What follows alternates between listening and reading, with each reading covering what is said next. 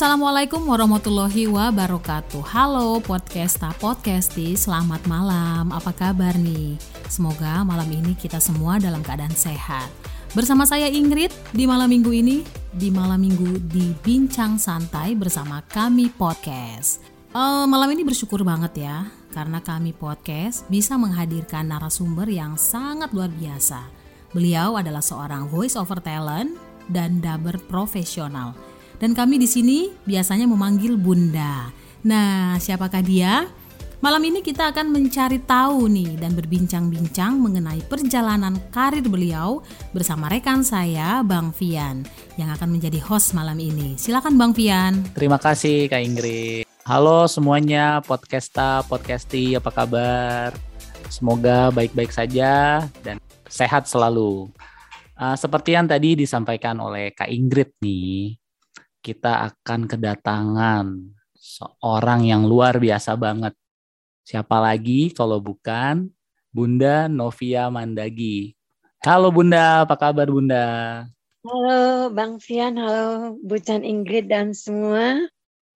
Uh, saya saya grogi. Halo Bunda. halo selamat malam, halo juga semua. Halo Bunda. Jangan grogi dong Bunda, nggak kayak Bunda nih. Biasanya ceria, semangat, ya kan? Jangan jangan grogi Bunda. Oke Bunda, izinkan aku menyampaikan sedikit tentang uh, biodata Bunda. Tentang Silakan. wah ini sih sedikit aja udah banyak ya. Luar biasa ini. Enggak lah, itu mah baru sebagian doang. Oh, sebagian doang banyak sekali, Bun. Oke, aku mulai ya, Bunda ya. Ya, silakan. Oke. Uh, seorang perempuan cantik bernama Bernadette Novia Mandagi atau yang biasa kita kenal Novia Mandagi. Ini panggilannya uh, Novia atau Bunda Novia. Lahir di Jakarta 17 17 April disensor ya tahunnya. Oke, okay.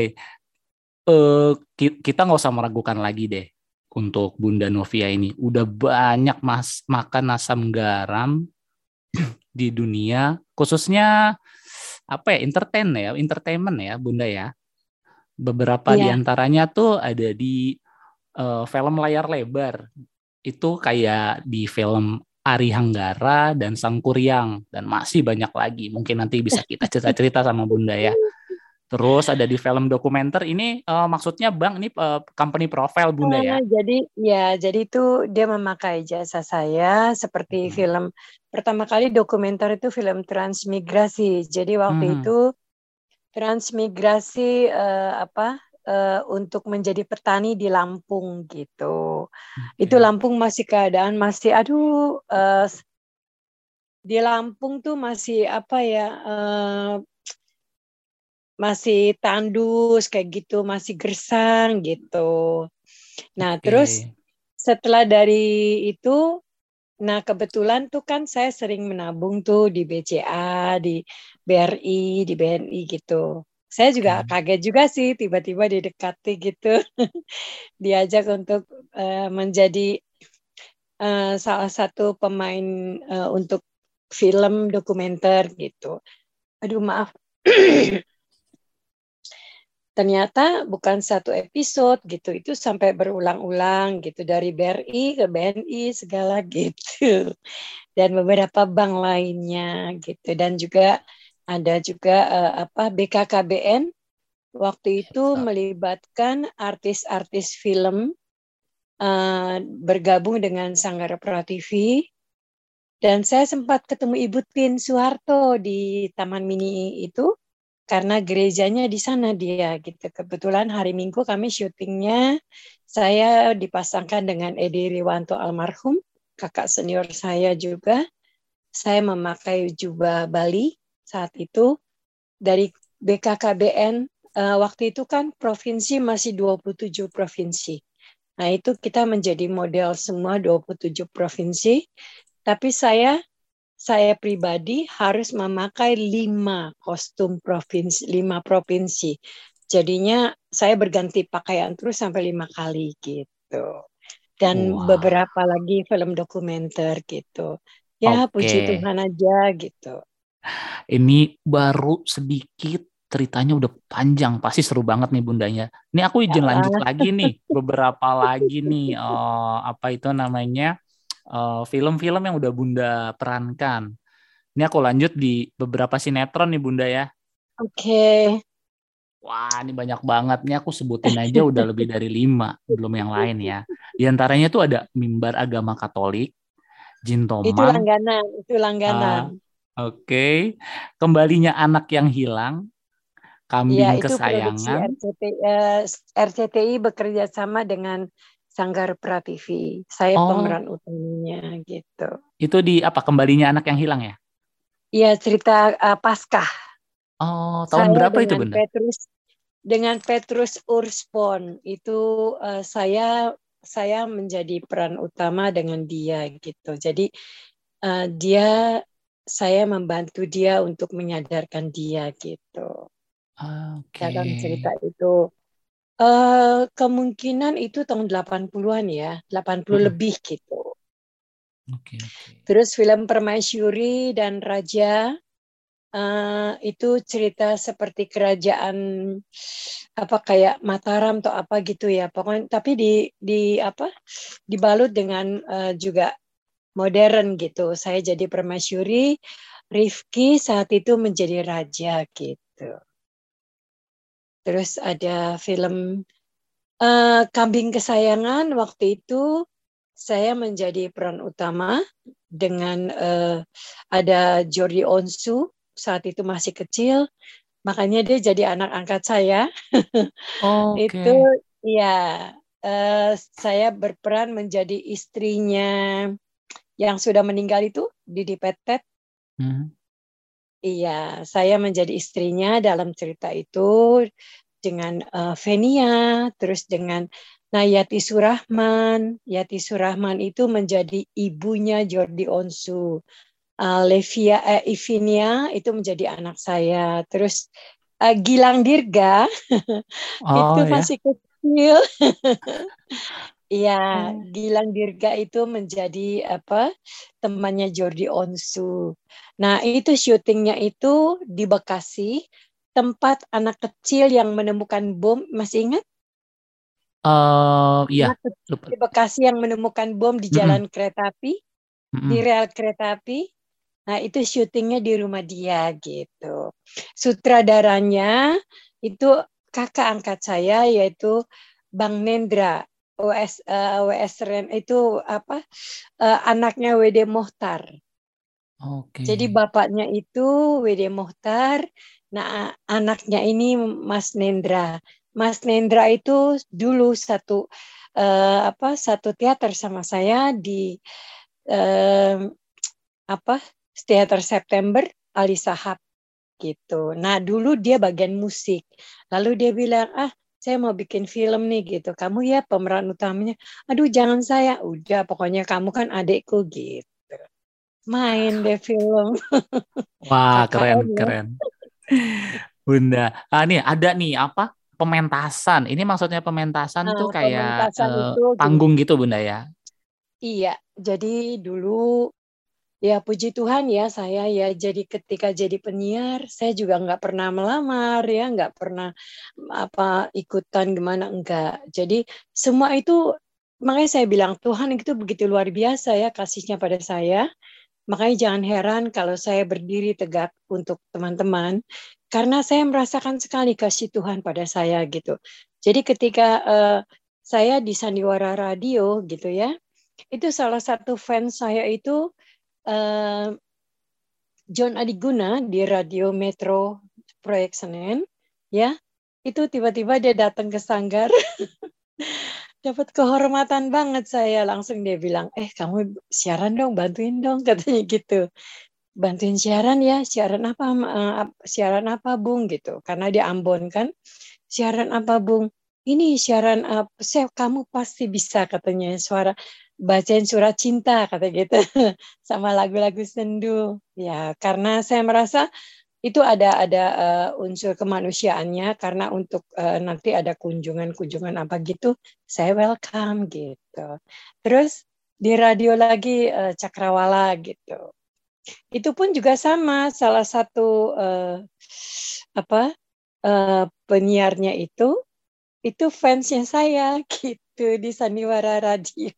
Wah, ada fans nih. Gitu. Ya, puji Tuhan aja. Maka saya bilang, ah, saya tidak pernah melamar. Makanya jangan heran, saya juga terharu banget ya. Uh, Tuhan bisa menggali saya begini, begini, begini, bisa menentukan begini, begini.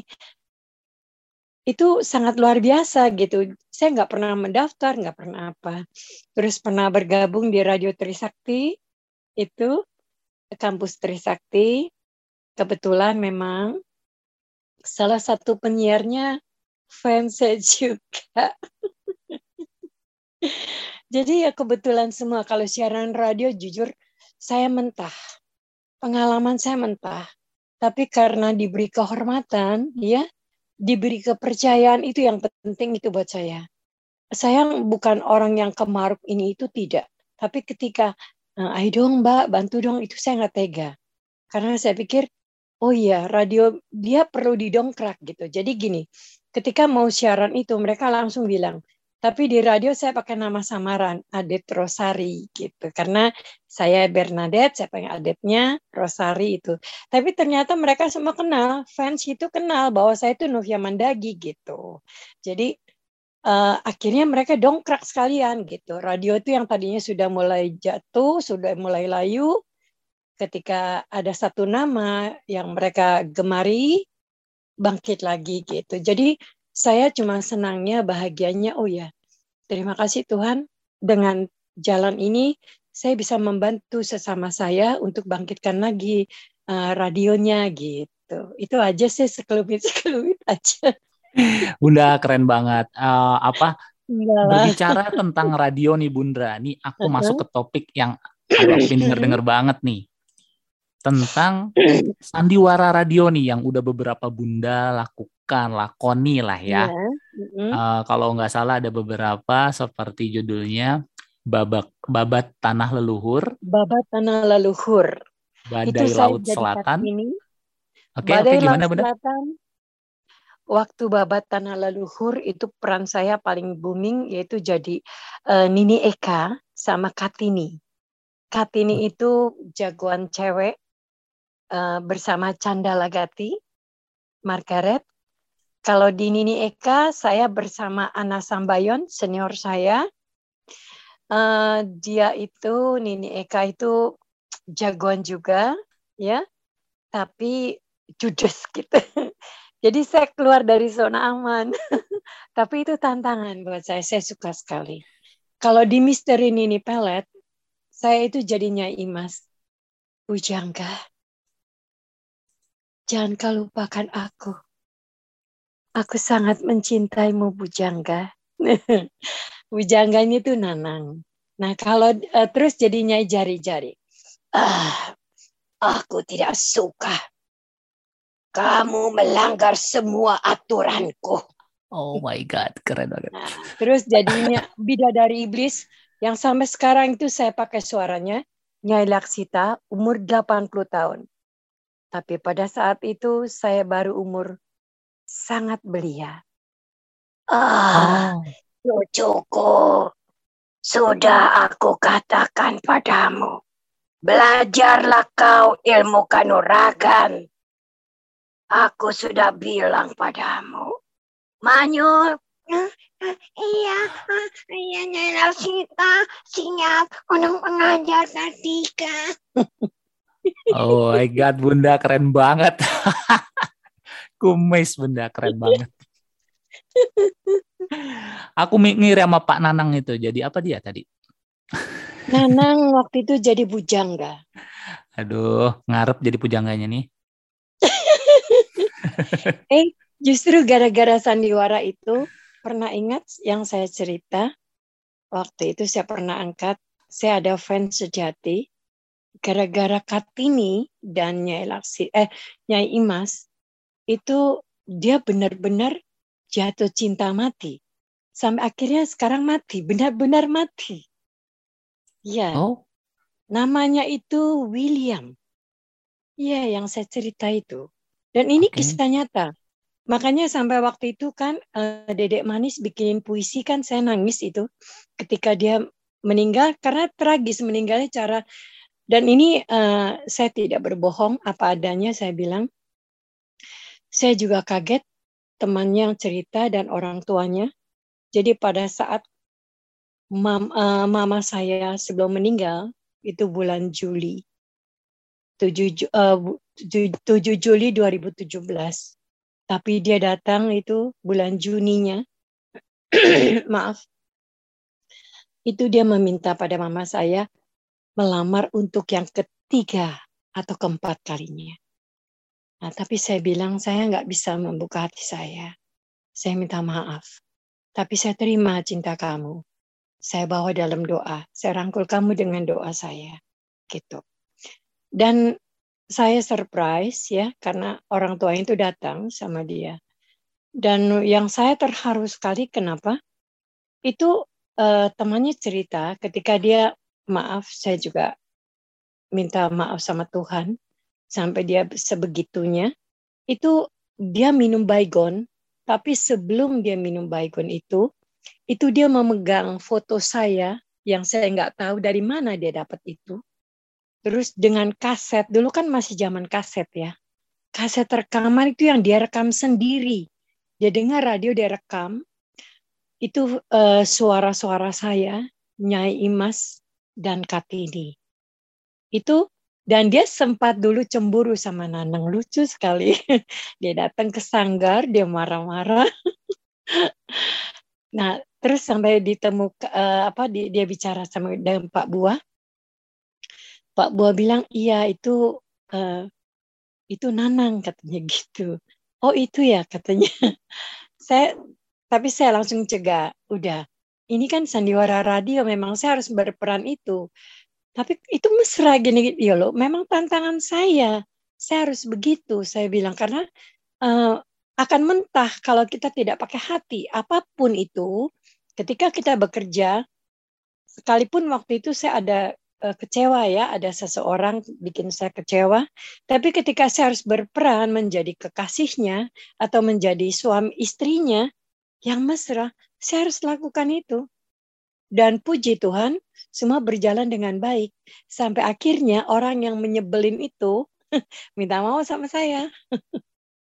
Gara-gara saya bisa lupakan itu.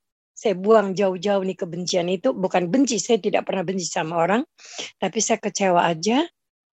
Langsung itu mencair lagi gitu.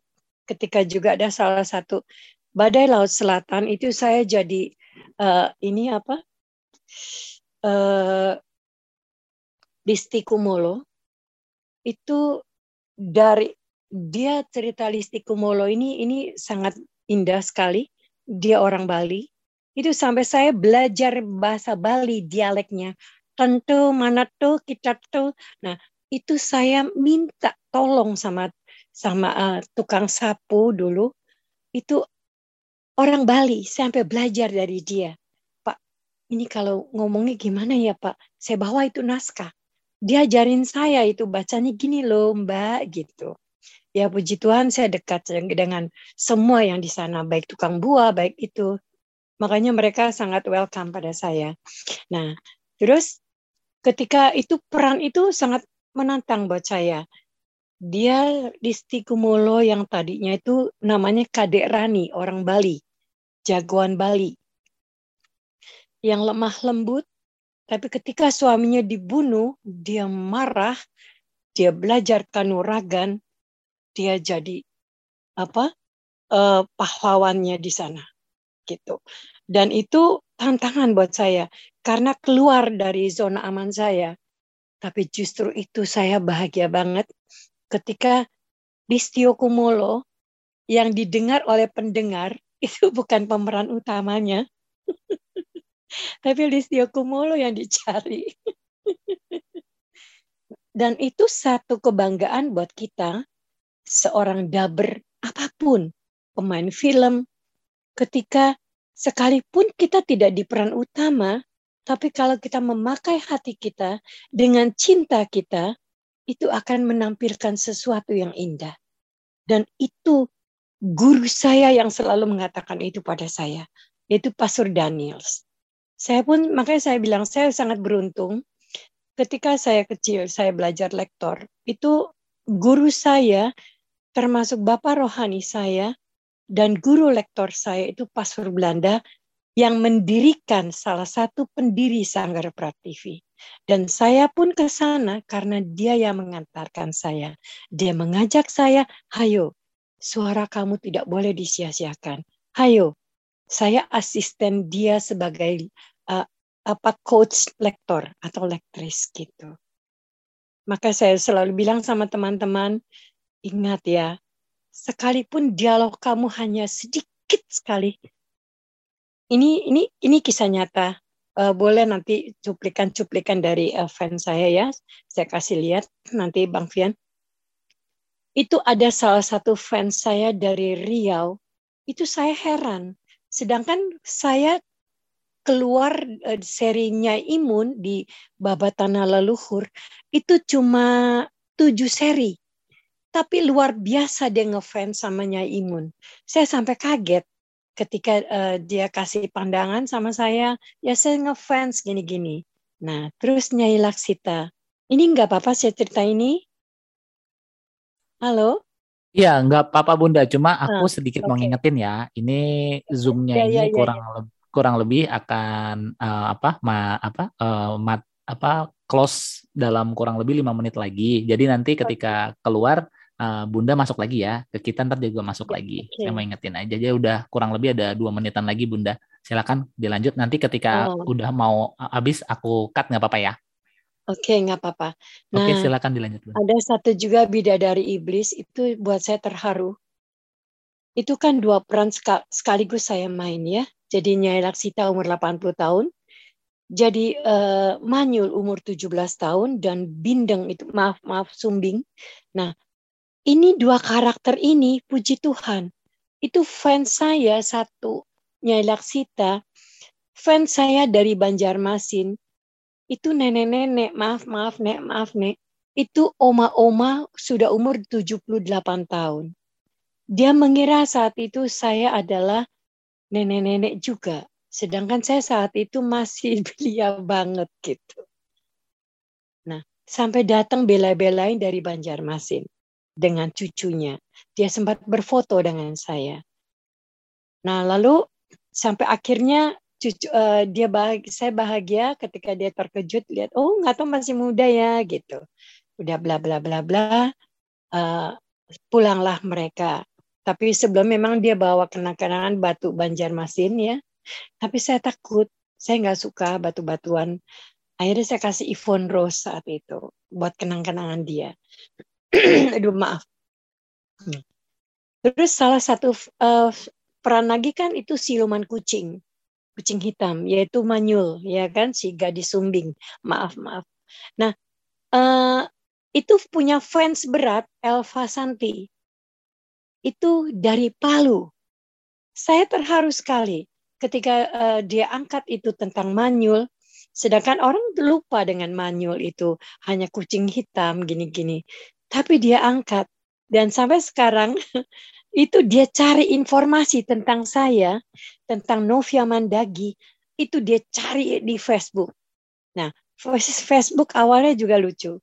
Kenapa saya pakai nama Bernadette Novia, tidak saya pakai nama Mandagi?